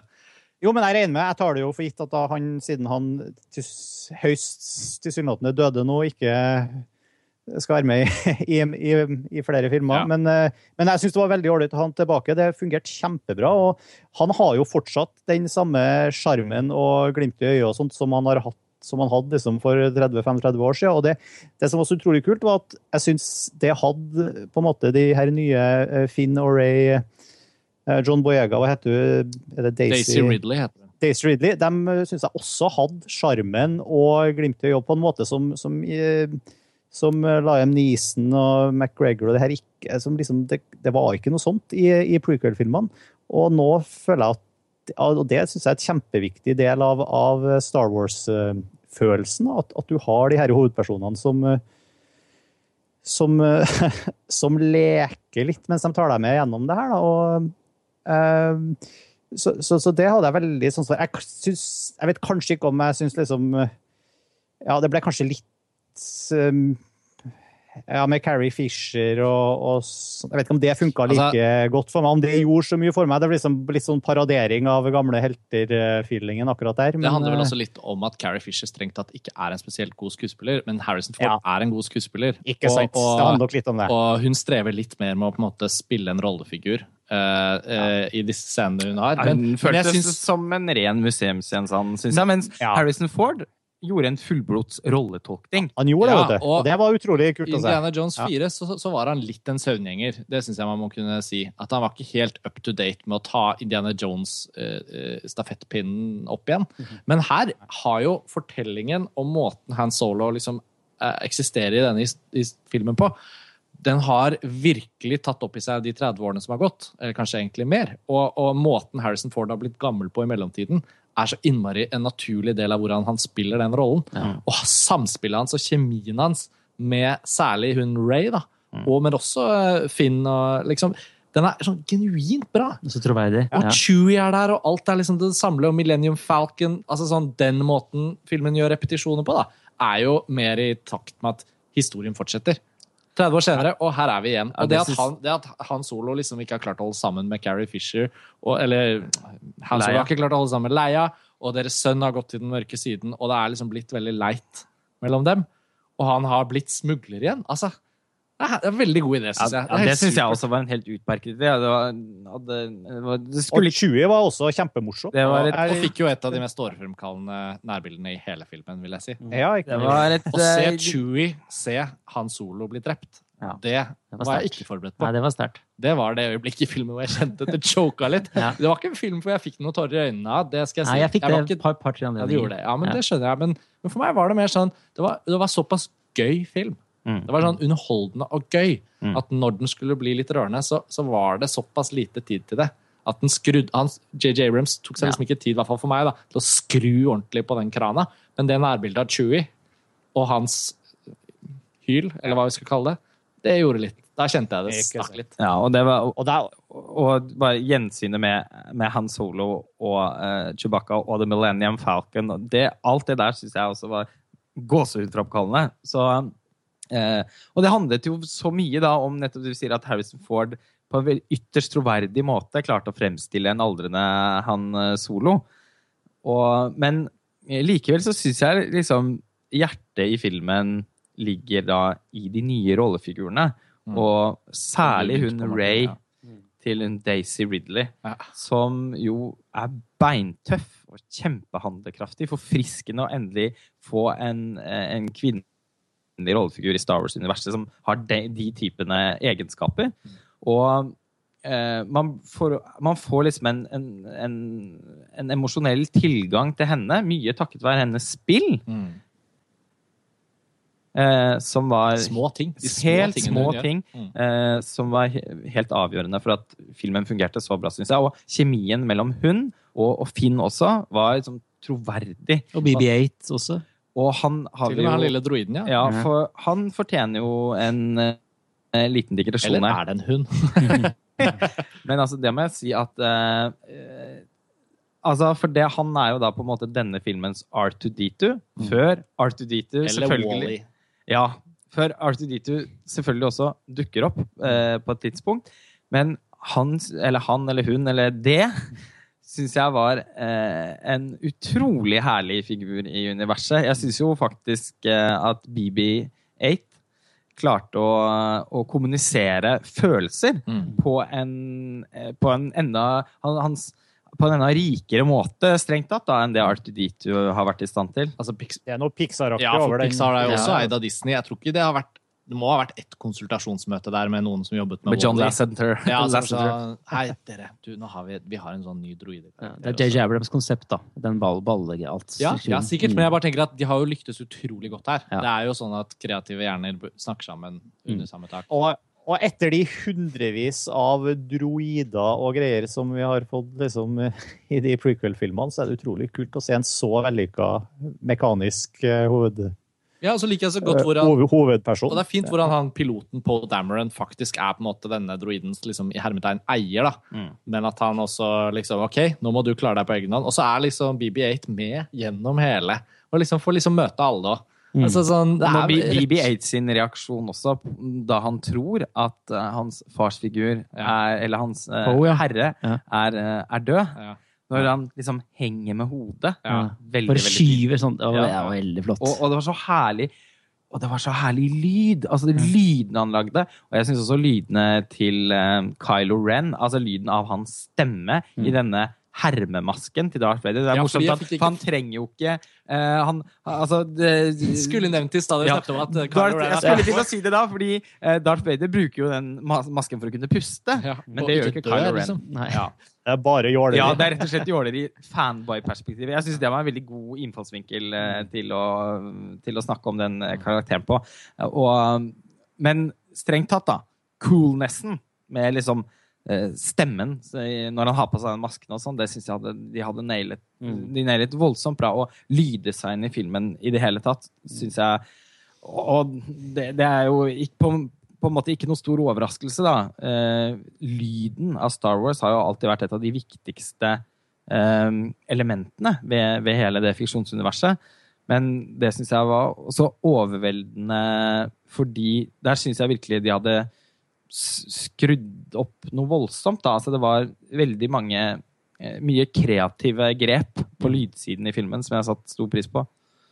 Ja, absolutt. Og på pressevisning så ble den jo også vist i Dolby Atmos. eh, Og det fungerte vel såpass bra at jeg nesten ikke la merke til det. Men eh, jeg, jeg tror det må ha spilt en rolle. Bare for å si da, at jeg hadde en skikkelig dårlig kinoopplevelse med den filmen. der. Jeg så den i 3D på liksom, Kongesalen på Prinsen kino i Trondheim. Jeg satt riktignok på første rad, som var litt uheldig. Da ble det litt uh, litt rar vinkel og sånt. Men, men altså, det, bildet var Det var et eller annet med den 3D-en som ikke funka helt bra, og bildet var unødvendig grått. og Det er jo et Og- problem med og disse sølvlerretene og sånn rundt omkring i det ganske land, som vi har skrevet om på montasje tidligere. Og det er jo veldig synd at kinoer ikke klarer å gi en skikkelig gjengivelse når en film som dette er såpass gjennomarbeidet. Altså I, tank, i Ja. Tankred, eh, hvor de har pressevisninger i Oslo, på Cinemateket i Oslo, så er det jo en helt prikkfri, eh, perfekt visning, vil jeg si. Ja, for, jeg, for jeg, jeg, jeg, jeg følte at det var noe galt med filmen jeg så på. Jeg koste meg likevel, men jeg skulle veldig ønske at jeg hadde sett den i en vanlig sal i 2D. Ja, jeg sliter alltid med, med 3D. Det var, eh, jeg sliter både med å se og hadde også en veldig hodepine etter at visningen var ferdig. Det regner jeg med mer var det enn lyd. For lyden var jo ganske ren og fin. Og filmen er filmet på 35 mm analog film. Det bidrar jo også til noe av den teksturen og det vi har snakket om tidligere, men ikke minst betyr jo det at det er jo ikke filmet i 3D. Jeg syns 3D-effekten for så vidt var helt OK. Nei, helt altså. Jeg hadde ingen problemer med dette. Nei, det var, jeg det var, personlig, det var ikke forstyrrende. men jeg kunne fint sett den i 3D igjen. men det er jo en film som er i 2D. Ja, for den er postkonvertert til 3D, og da Den var litt unødvendig. Ja, altså. Den er jo ikke laget for å vises i 3D. Jeg syns det var merkelig at pressevisningen Ja. da Ja, var den i burde ikke 3D. vært i 3D. Spesielt verdensromsekvensene var litt sånn veldig doble. Men eh, Mm. ja. Ja, I starten så kjente jeg på det. At Ja, det var sånn Å nei, skal det bli Men sånn? Men det Ettersom vi har vært inne med og snakket om lyden, så er vi også selvfølgelig nødt til å snakke om musikken. Tor Joakim Haga. det er det. Eh, Um, vår eh, store John Williams-entusiast, Ja. Og ekspert. ikke minst. Ja. Ja. Blir det et fadermord nå, eller hva? Eh, nei, Du rynker litt. Det, det er jo litt, litt sånn tungt hjerte da, at eh, jeg registrerte at eh, musikken ikke var det jeg hadde forventet. Nå skal det sies at forvent- forventningene mine var jo eh, høyt oppe i stjernegalaksene. Så Nei, altså det er rett og slett sånn at jeg var litt skuffet over John Williams' musikk. Alt av hans varemerker, orkestrering, bruk av perkusjon, fløytetrioler, messingutbrudd, disse her boots, alt dette her som han er så kjent for. Eh, Det var til stede, men den er altså så vimsete. Den er så vimsete, og, og, og eh, det, var, det var ikke lenger noen sånne set pieces, sånn som du har med The Asteroid Field og The Forest Battle og disse her som vi kjenner fra originalfilmene. Eller Battle of the Heroes, Duel of the Fates, som du har fra prequelene. Det var nesten borte. Eh, alt stort sett bare vims. Eh, Selv om den da eh, også har eh, noen nye temaer eh, som, eh, som, som også var veldig variable. Eh, Det flotteste av de nye temaene var jo temaet for Ray. eh, Som vi hører, som vi snakket om i stad med denne sekvensen hvor hun glir ned på, på sanddynene. Mm. Nydelig, litt sånn uh, Warhorse meets The Book Thief-aktig aktig sak på, på treblås og sånne ting, som var kjempefint. Eh, Men nye temaene for eh, Finn, og, delvis også for Kylo Ren, var mer motiviske enn tematiske. Og forsvinner, suges litt opp av, av, av eh, denne litt sånn vimse, vimsetheten. Så, og, og du kan også si Det var hyggelig at disse gamle temaene kom igjen. på, Jeg ble, jeg ble veldig rørt når The Force Team kom igjen, når, når han Solo sier at it's all true. og dette her. Da, det var en av de første litt sånn klumpescenene for meg i halsen. Altså, Der fikk jeg klump i halsen allerede i traileren. Så det, det øyeblikket hadde de, det gjorde de veldig klokt i å bruke i traileren nå, for jeg føler liksom at det er egentlig den scenen som representerer hvorfor The Force Awakens er vellykket. Altså det at de unge mm. på en måte forholder seg til fortellingen om Luke Skywalker og Princess Leia og Han Solo som myter. Ja, ikke At det er noe sånn Ja, men hæ, er det sant? Jeg har hørt at Ja, men den er det. Og så møter de Han Solo, og han bare It's all true. Ja. The Jedi, the dark side. Det er et sykt bra moment, og Ja. det er ikke ødelagt i traileren. Eh, Det kommer igjen i filmen, og det er like sterkt i filmen. Mm. Ja, det er et av de største, største øyeblikkene. og det er, John Williams har jo mye av er grunnen til det, pga. det kjente temaet som er så vakkert i seg selv. Eh, Vi har sett dem og hørt det 100 millioner ganger. Men som helhet, og jeg har hørt på soundtracket, jeg har fått en tidlig versjon av det, og, og, og hørt på det, og det, det er ikke så mye å, å gripe fatt i. Nå har jeg bare hørt på den to-tre ganger, da, så jeg må jo bruke litt mer tid. Men dessverre eh, litt skuffet over eh, John Williams' musikk. Jeg må også innrømme at John Den er ganske fin, den der. Den, Den, den likte jeg godt. Ja, jeg tror jeg har hørt den før et eller annet sted. ja. Man fikk, Ja. et, man fikk også et lite innslag av Imperial Mars Ja, et kort sitat når han ser masken til, til Darth, Vader. Så. Men eh, jeg, John Williams sin musikk var noe av det jeg gledet meg aller mest til i forkant av visningen. Og jeg ble også da litt skuffet over mangelen på nye, ninnbare eh, temaer. Eh, og um, der må jeg jo si at prequel-trilogien leverer veldig sterkt. Eh, for det er jo da litt ulike ting man kan eh, ha å si om dem. Men musikken i prequel-filmene syns jeg er helt fantastisk. Ja, er helt Duel of the Fates i eh, The Phantom Menace er jo, syns jeg, noe av det feteste John Williams har skrevet. Ja, Og jeg er også veldig svak for hovedtemaet Revenge of the Sith. Det derre Love the Heroes. Som er som på en sånn både veldig eh, storslagen, men også melankolsk måte Eller sånn Det er både st- storslagent og melankolsk på en gang, som fanger eh, eh, følelsesstormene hos, hos Anakin, Anakin i den siste filmen. Eh, så gjenhøret Mm. med musikken fra prequel-trilogien eh, var, eh, var en veldig positiv opplevelse. Og, og nettopp derfor også så sydet jeg jo av forventninger Ja. til hva John Williams kunne finne på for noe rart. Ja. Eh, og det, det var veldig mye sånn på en måte det man vel kaller for sånn Mickey Mousing-musikk. Ja. Så- har et par spor, 'March of the Resistance', en nydelig fuge som kommer inn når, når X-vingene kommer inn og skal redde eh, Kommer til unnsetning når, når det ser ut som alt er tapt. eh, Den ruinen og det der. ikke sant?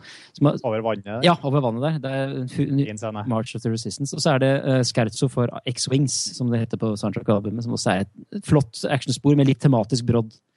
Men eh, ellers er jeg helt enig med, med deg, Lars Ola. Eh, men jeg skal, gi, jeg, skal gi, jeg skal gi noen flere sjanser på album, og skal selvfølgelig se filmen flere ganger. og sånn. Eh, men er, jeg, vi har brukt litt tid på å snakke om det, for det er et så ekstremt viktig element av disse filmene. Og det er liksom en av de, fra de første til de, de, de siste, så er en av de få liksom sånn det er samme person altså, som skriver musikken den gangen som nå. Så det er en av de få sånne linkene sånn, rent sånn i crewet. Ja, der har vi en kontinuitet eh, som, eh, som eh, Og Lawrence Kastan, selvfølgelig, da. Men altså, det er, Ja. finnes jo noen eksempler. Men eh, Men så skal man jo også si at denne filmen er jo på en måte også da en, Den er jo både en, en fortsettelse og til en viss grad en avslutning. Eh, det er en, noen tråder fra originaltrilogien som, som samles og som kappes av. Og, og samtidig som sagt så er den også en reboot. Så man har jo også gjennom denne filmen på en veldig effektiv måte fått tråklet seg gjennom en del ting.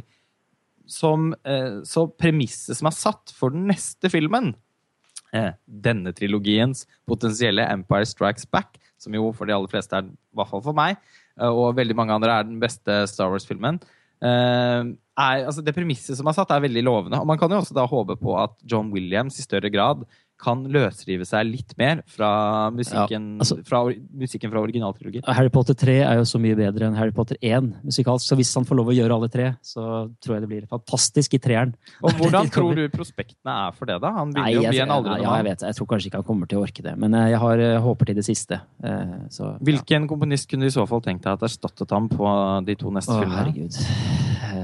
Nei, ja. Det er et godt spørsmål. Det må, det må jeg Vi hadde den litt samme samtalen på Bridge of Spice. Ja, vi hadde Eh, Ikke- ikke- Williams Ja, ikke, ikke Giacchino, ikke Desplat helst. Ingen av de to. Og det en selvfølgelig er det en av de to som, som får det. Så. Ja, fordi at de, det er jo to av de komponistene som jeg hvert fall Alexander Desplat opplever jeg ofte at kanaliserer en del John Williams i sin musikk. Og uh, Giacchino er jo en uh, Jeg syns ofte han dessverre kan være litt kjedelig, selv om han for meg har laget et av årets beste soundtrack, uh, soundtracks, Inside Out, eh, som jeg har hørt veldig mye på. Men eh, jeg er ofte litt blandet i Giacchino, særlig fordi at han eh, i, så ofte henfaller til å lage pastisj. da.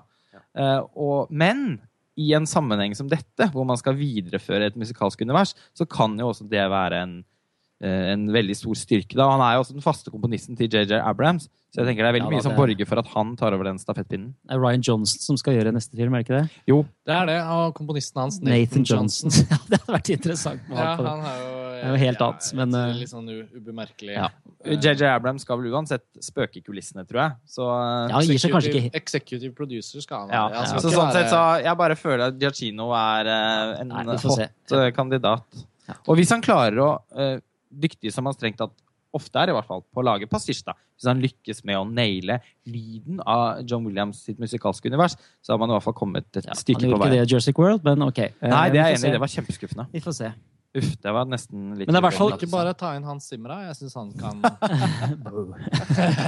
Ja, ja. Nei, men, eh, nei, men det er jo Det er i hvert fall blir- masse mytologi som nå vil komme, spesielt knytta til Luke Skywalker. Og det er jo masse som man kan gjøre i forhold til det ja, altså, Kan vi returnere litt? For jeg, kan vi snakke litt om Luke Skywalker? Ja. Eh, Hvis alle så filmen helt til siste scene, og det gjorde vi jo. Ehm, altså, han er jo nesten ikke med i filmen. Han er med i det aller siste, den aller siste scenen. Mm. Fire-fem bilder, kan man kanskje si det er. Mm. Når da eh, Ray eh, Møter sin far. drar Nei. Men vi, la oss spekulere litt, da. Fordi det er jo litt gøy. Hun drar jo til denne filmens svar på Dagobah-systemet, der hvor Yoda eh, dro i eksil mot slutten av Revenge of the Sith. Eh, og så dukker han jo opp der i The Empire Strikes Back, når Luke eh, på Obi-Wan Kenobi sin kommando drar til Dagobah-systemet for å bli opptrent som Jedi av Yoda. Mm. Og eh, Ray drar ut til eh, en, en slags øye... Hele premisset for The Force Awakens er jo at eh, de skal finne ut hvor Luke Skywalker har gjort av seg. Tilbake til den åpningssekvensen. Luke Skywalker has vanished. Og BB8 har, sitter på dette kartet, og når de tar det opp, så viser det seg at det bare er en liten bestanddel. Og det blir litt uten forklaring, bare spekulert i at R2D2 har resten av kartet. Men det er det jo litt sånn Det er litt kult, for han har vært nedskrudd. ja, for de tar en del sånn kjappe vendinger. Ja, men han har vært skrudd. Det har alltid C3PO bare Oh, he's been in sleep mode since Luke disappeared. Og så bare, ja, ok. Og så våkner han til slutt, da. Og så kommer resten av kartet, og så finner de ut hvor han er. Og da skjønner vi at det er Ray som drar av gårde, da. Og Finn ligger semibevisstløs på sykesengen, men har sikkert klart seg.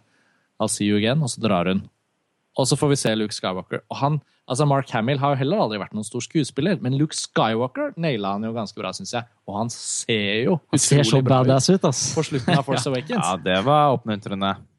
Hele den sekvensen hvor hun går opp disse trappene i en sånn slags sånn katedral, eh, sånn naturkatedral, Mm. til hun kommer på toppen og ser denne hooded eh, person som står der som en sånn slags eh, ypperste prest Ja. på toppen av Jeg syns den var kjempeflott, den siste Ja, jeg likte den veldig godt. Ja, jeg også. Eh, Det gjorde meg veldig oppspilt eh, overfor neste film. Og ikke minst da, som du sier, Karsten, at eh, Mark Hamill rett og slett så Han har holdt seg godt. Han så veldig kul ut med skjegg og noe sånn et mørkt drag over ansiktet. Mm. eh, Svøpet inn av denne eh, kappen og hetten.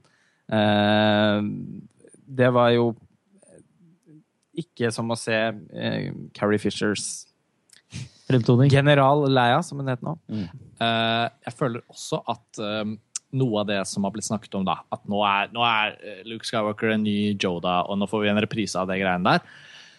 Det er jo også et faktum at Luke Skywalker nå mellom Return of the Jedi og The Force Awakens har lært opp Han Solo og prinsesse Leias sønn i liksom The Force, og også blitt sveket av denne gutten når han ble eldre, og ble Kylo Ren og vendte seg til the dark side.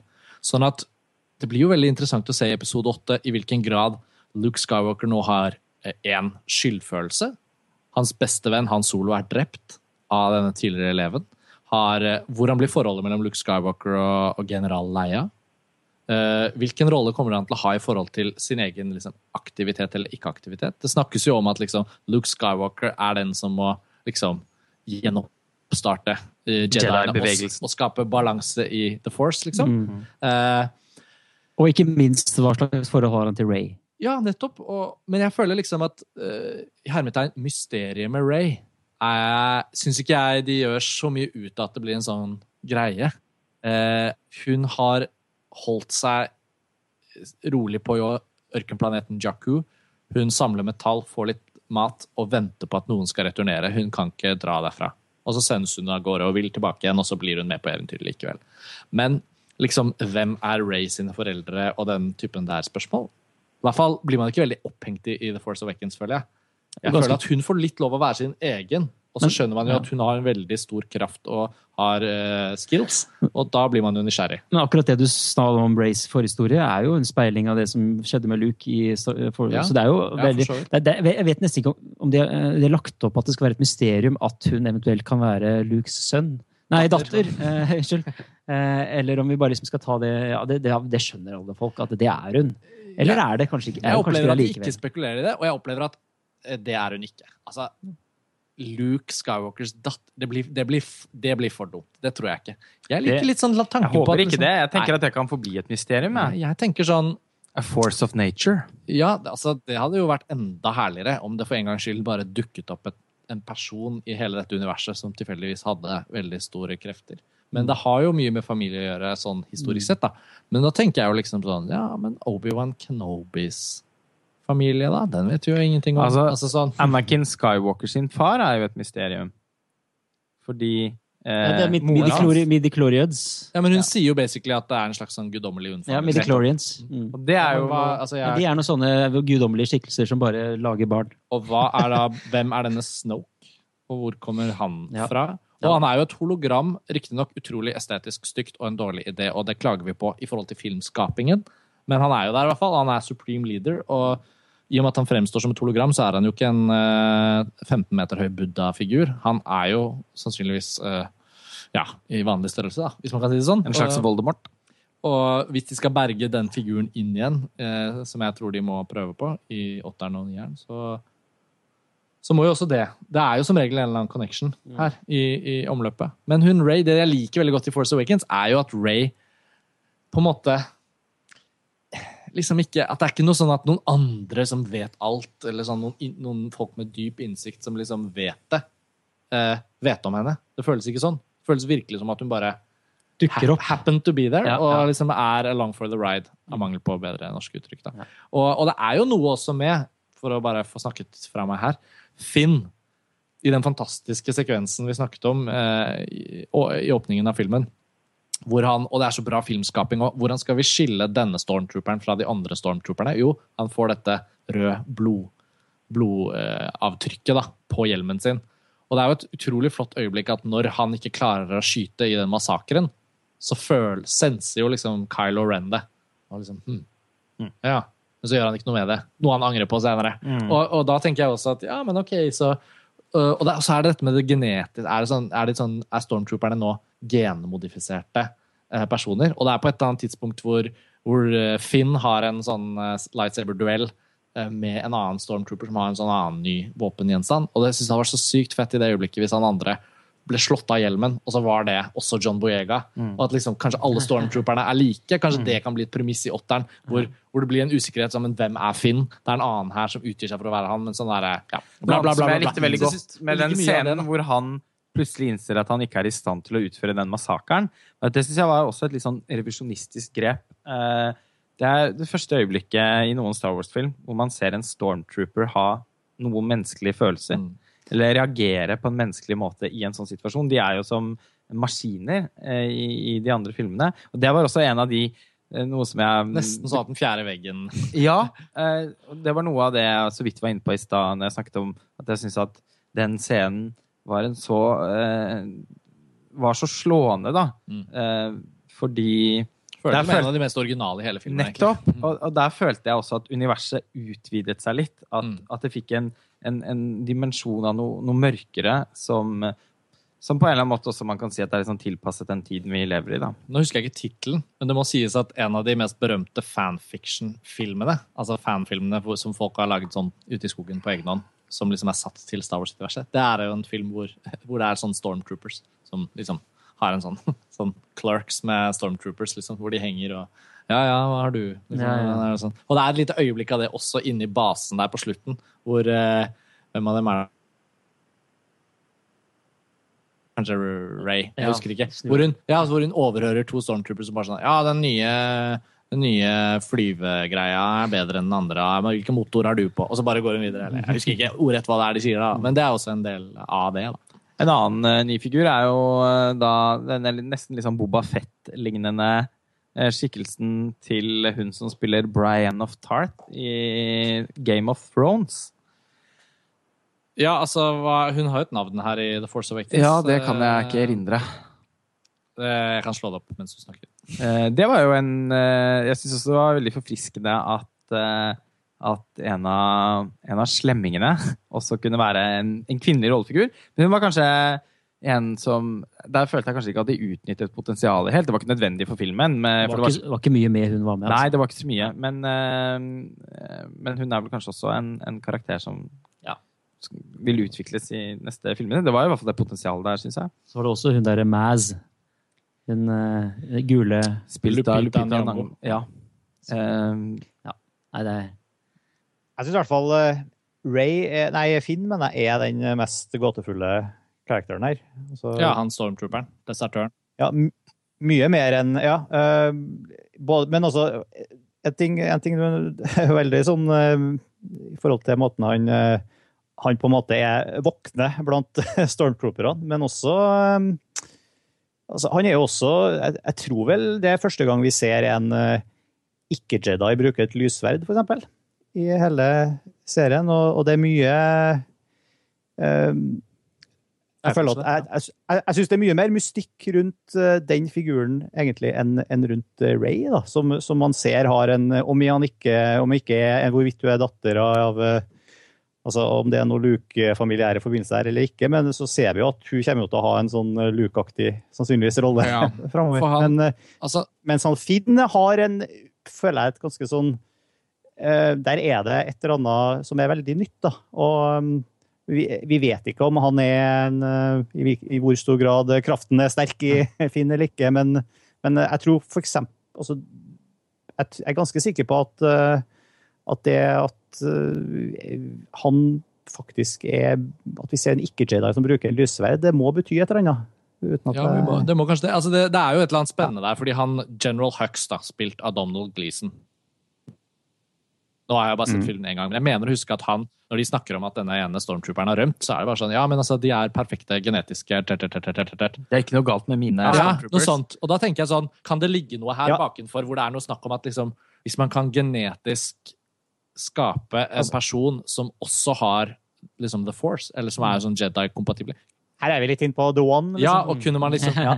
Ja, og kunne man eventuelt hatt Altså, vil det være mulig å gjøre genetisk reproduksjon av dark side eh, force? Altså sånn eh, Så det ligger noen ting der og spøker i bakgrunnen av liksom hvordan dette her skal gå videre, da. Uh, Brienne of Tarth-relasjonen, Gwendolyn Christie, hennes uh, rollefigur Det blir jo ikke helt en rollefigur, men det har jo replikk, i hvert fall. Uh, heter Captain Phasma. Nå husker jeg det. det Phasma, ja. ment, ja. Det var det. Uh, og det er også en av de rollefigurene som det har blitt klaget litt på i en del amerikanske anmeldelser, som jeg har lest, hvor de liksom lurer på at når hun blir bygd opp så voldsomt i markedsføringen For hun var jo med i flere trailere, og det har liksom til og med vært noe sånn Hun har liksom fått et navn og sånn og sånn, sånn så var det vel snakk om at det, som en sånn derre ja, lakei da, på, den, eh, på antagonistsiden skulle få en litt mer sånn fargerik eh, eh, utforskning som rollefigur. Men det får hun ikke. Hun blir jo sendt i en søppelsjakk av Han Solo. Det er også vi, et ser, vi ser ikke det. Nei, det ser vi ikke, men det er et ganske morsomt øyeblikk. Ja. Har dere en søppelsjakt her? Bare, åh. Veldig morsomt pekt i den første filmen. Ja, sånne ting syns jeg bare Var det Mass Katana hun het, hun Ja. Ja. Det gule, ja. ja. Maz Katana, hun gamle liksom dama i kafeen. ja spilt av Lupita Nyong'o. Det var helt umulig for meg å kunne registrere at det var den Oscar-vinnende skuespilleren som Fra, tolket henne. Jeg visste det på forhånd, så jeg hadde heller ikke spotta det, tror jeg. Nei, men øh, Men eh, hun var jo litt sånn en sånn leverandør av eksposisjon eh, på midten av filmen. Kanskje også en scene som jeg ikke syns eh, svingte helt, men som nok var nødvendig for Jeg, jeg syns definitivt det svingte når eh, Ray gikk inn til dette her eh, rommet hvor en lyssaver var. Den her visjonen hvor vi hørte Yoda til og med. På, Det var, ikke helt en drøm, det var liksom en slags blanding av en drømmesekvens og en slags sånn forespeiling, eller hva vi skal kalle det. Ja, litt sånn som den uh, sekvensen med Luke når han skal ned i det her, uh, og møte liksom Darth Vader i det her, under det treet. Er det I The Empire Strikes Strikes Nei, Empire Strikes Back, er det. Ja. Så det var jo det var liksom kanskje en slags referanse til det, jeg vet ikke. Men eh, den syns jeg var Ja, det er veldig elegant og flott. altså. Den, Jeg elsket uansett eh, selve stedet, hvor hun eh, var en slags eh, lederskikkelse. Kantina. Eh, kan, et gjensyn med Kantina-gjengen Ja. og en ny tut-tut-tut-tut-tut. ja, den var ikke fullt så bra, den her, da. Men, eh, Nei, det var ikke det. også Men for øvrig skrevet av JJ da var det Abrams. noen helt sånn fantastisk herlige sminke Altså maske Ja. og, og, Som- og sminke. bare, bare sånn Moonen er helt Det er bare sånn Usynkron. dokke som Ja, og det er jo Star Wars. Det er Star Wars, ja. Eh, og det er veldig herlig at de har liksom tatt seg friheten eh, og stolt på at Star Wars-fansen, også med liksom dagens eh, teknologi, da Mm. Vi er vant til at alle sånne fantasifigurer eh, snakker synkront. eh, Ja. eh, fordi de er CGI-animert og sånn, at man liksom har stolt på at fans vil sette pris på de nesten sånn anakronismene Mm. som, som, som de er. Det syns jeg var et veldig herlig krydder. Jeg, jeg, jeg, hør- hørte du lo. På Han dukker opp. Ja, jeg hørte du, du flira en del på disse figurene. Disse her, bare kreativiteten i de figurene de hadde klart å lage opp. For det er alltid noe jeg har satt veldig pris på med de originale Star Wars-filmene. Jeg er jo veldig svak for f.eks. den sekvensen hos Jabba the Hutt i The Return of the Jedi og sånn. Ja. Fordi jeg syns det er så fantastisk mange Jim Henson eh, Ja. Men altså, der, der må jeg jo si at uh, altså, Vi har jo prompa mye på prequel-filmene nå, men du nevnte jo at, at musikken var et lysglimt. Jeg syns jo også at det, det er veldig mye bra eh, design av aliens og romskip og sånne ting i prequel-filmene òg. Problemet er selvfølgelig at filmene ikke er så gode i seg sjøl, men som et sånn Sånn eh, bildebøker eh, Se designportfolioen til George Lucas og and Company, liksom, så det har jo alltid vært en utrolig rik og saftig del av, av Star Wars-universet. Jeg syns det er masse å fryde seg over Ja. på den Ja, fronten, på- også i, i episode 1 General 2 Grievous og sånn. Ja. Ja, på én måte, men samtidig så syns jeg jo det at de er dataanimerte, da frarøver den den ruskete sjarmen som, som, som er i de meka mekaniske dukke-, sminke-, maske-, effektbaserte kreasjonene, som, som jeg får hjertet mitt til å banke eh, på en helt annen måte. Og det var det heldigvis veldig, veldig mye av i The Force Awakens.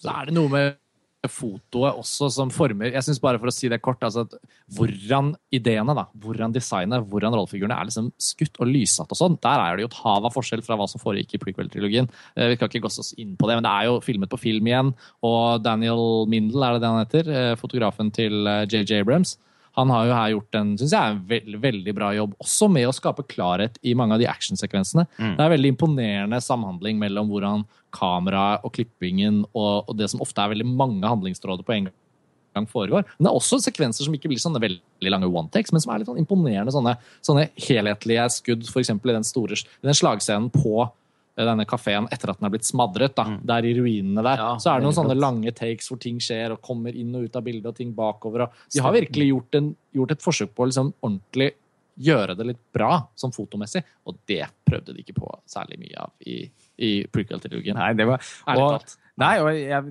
jeg tenker på dette som eh, For det var morsomt når jeg så de originaltrilogien opp igjen nå, at, og det har alltid slått meg tidligere òg, at den andre filmen, altså The Empire Strikes Back, har en visualitet som skiller seg litt fra både A New Hope og The Return of the Jedi. Og det har en del med lyssettingen å gjøre. fordi den filmen er fotografert av Peter Sushitsky, som er den faste fotografen David Cronenberg, eh, fra og med eh, Dead Ringers. Han jobbet med en som heter Mark Irvin eh, på de tidligste filmene sine. Men Sushitsky har jo en, en følsomhet for, for lys som i hvert fall for meg bidrar til å gjøre stemningen i, i, i The Empire Strikes Back veldig sånn tjukk.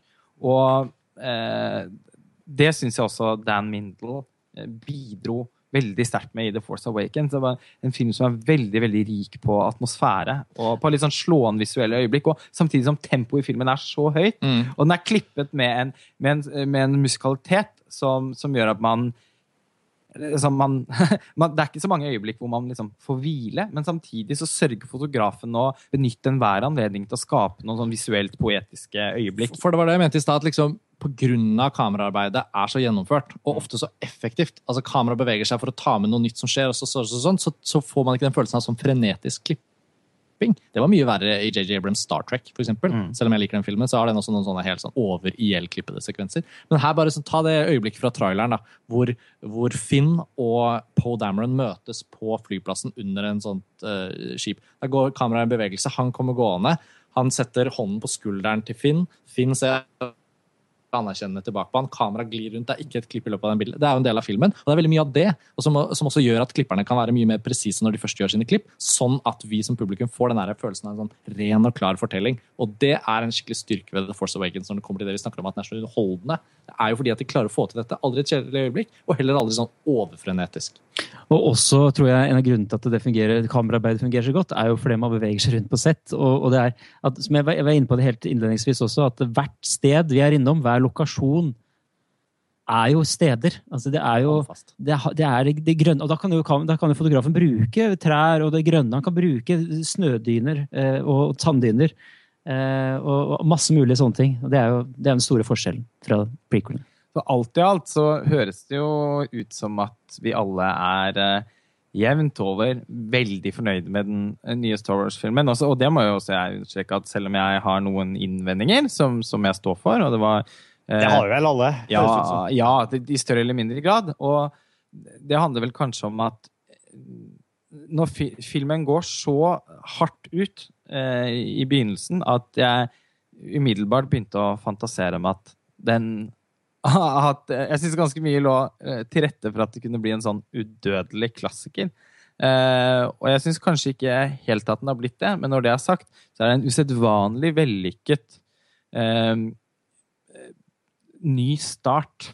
A- new hope, rett og slett, for, for, eh, for alle de stå... Altså, den, den man, Altså sånn De lykkes med noen veldig, veldig elementære ting som gjør at man allerede begynner å glede seg veldig til alle de andre Star Wars-filmene. Også disse på en måte eh, antologifilmene eller spin-off-filmene, eller hva man skal eh, kalle det. Der kommer du allerede neste år.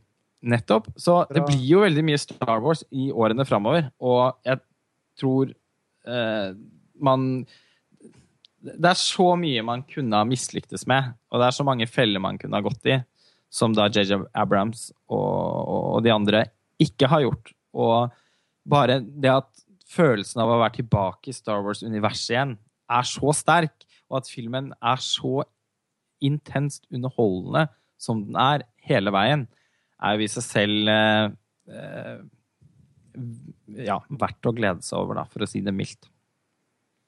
Ja, nei, jeg er enig. Det er, eh, det er eh, så betryggende at en ny serie av filmer i Star Wars-universet starter på en så solid og trygg grunn. Det er ikke en ny klassiker. Det er ikke en sånn type film. Den mangler noen sånne ekstraordinære ting. Samtidig så tror jeg for den generasjonen som litt får Star Wars nå, Mm. så tror jeg den kommer til å føles som en klassiker. Og jeg tror den kommer til å føles som at den har så mange ikoniske øyeblikk at den vil liksom svi seg inn. Og nå ligger det faen meg i hendene på Ryan Johnson. Ass. Jeg tror ikke du kan få en bedre mulighet i en sånn franchise-greie til å levere en film som overgår Altså sånn Den er mulig å overgå. Mm. Og, og, og sjakkbrikkene er satt opp så perfekt for å gjøre det bra. Så jeg tenker at forventningene mine nå de blir litt sånn ordentlig høye. Uh, Og Ryan Johnson er, kan jo finne på å gjøre kule Ja, ting. han er en regissør- Overraske. Han Ja. er litt ufo uforutsigbar. Ja, og så har han liksom ikke helt gjort en skikkelig bra film ennå.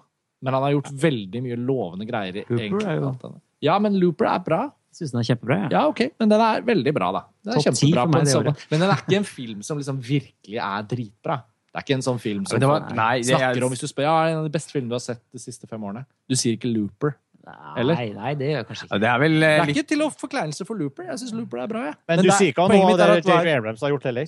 Så Nei, men det er noe men liksom, det er noe Jo, Mission Impossible 3, den er faen meg jævlig. Nei. Vi skal ikke starte den diskusjonen. Poenget mitt er at Ryan Nei. Johnson er en ung og kul filmskaper som har gjort Mm. masse lovende greier. Jeg synes Det er helt fantastisk at han har fått den. Det er noen jobben. veldig gode tilløp i Ja, Looper. det er poenget mitt var var å si noe bra om Ja, Ryan Johnson. Så, så man, og man kan virkelig få Og han er en interessant filmskaper. På mange måter kanskje mer interessant enn det JJM Abrams er. Mm. Star Trek og Mission Impossible 3 i all ære.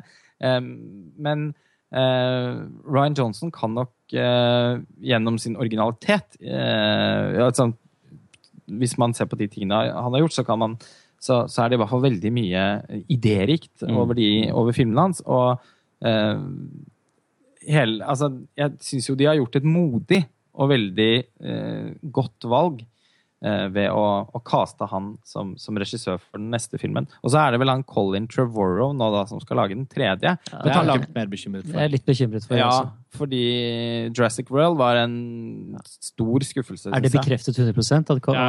Er det det? At han skal gjøre nieren, eller Nieren, episode ja. Okay. Ja, det er bekreftet. Ja. Og Gareth Edwards i den her Ja, men det syns jeg er filmen kjempe- er kjempekult. For det er antologifilmene, og det liksom blir noe helt annet. Og det jeg virkelig håper fra disse antologifilmene, er at de ordentlig leker seg. Mm. At ikke de har den typen respekt, og ikke at det blir sånn remakes, da. Dette her Det blir- altså, altså, Den Rogue One til Gareth Edwards er spådd å være en skikkelig heist-film. Som handler om hvordan de får tak i planene for hvordan dødsstjernen skal bygges. da. Mm. Riktignok jo dødsstjernen igjen. Kanskje Cammy og Cameo Darth Vader, Darth Vader sier det. Ja, vi får se. Det blir gøy. Det blir gøy. Ja. Nei, alt i alt, eh, vi er jo en fornøyd gjeng her, så nå Jeg er det jo. Nå er det jo gøy. Nå som vi har eh, diskutert filmen med spoiler og det hele, så, så vil det jo være gøy å høre hva, hva lytterne våre også syns, og om det er noen av disse teoriene vi har vært innom som kan diskuteres videre. Uh, hvis dere bruker kommentarfeltet i dag, kan dere prøve å ikke komme med en spoiler i den første setningen, for da kommer den frem på forsiden av montasjen. Prøv å skrive noe annet sånn. En eller annen setning som ikke har spoilere først, og så slipp fri uh, det dere måtte ha. Vi gleder oss til å høre hva dere tenker. Det gjør vi. Tusen takk for at dere eh, hørte på oss igjen. Som sagt. Og send oss også mail. Det glemmer vi å si. Hvis, hvis dere har noe innspill til oss som dere ikke vil skal ligge i kommentarfeltene, bare vil komme med tips til ting vi prater om, eller vil ha ting dere har lyst til, så du kanskje skal, kan lese opp i en episode, eller sånt, så, så er det mulig å sende oss mail. altså. Uh, Filmfrelst.montasj.no. Og nå som vi har lagt jubileet bak oss, så, så får vi også si at vi får håpe at ikke eh, den nye liksom, rebooten av Filmfrelst fra 201 og fremover blir bare remakes av tidligere episoder. Vi, har sett at det har kommet mye tilbakemeldinger på at folk gjerne vil ha sånne regissørepisoder igjen, som vi har, som vi har på en måte ikke kanskje gjort ofte nok. Paul Verhoeven-episoden som vi snakket om i, to, i jubileumsepisoden, den, den er det jo faktisk noen år siden nå.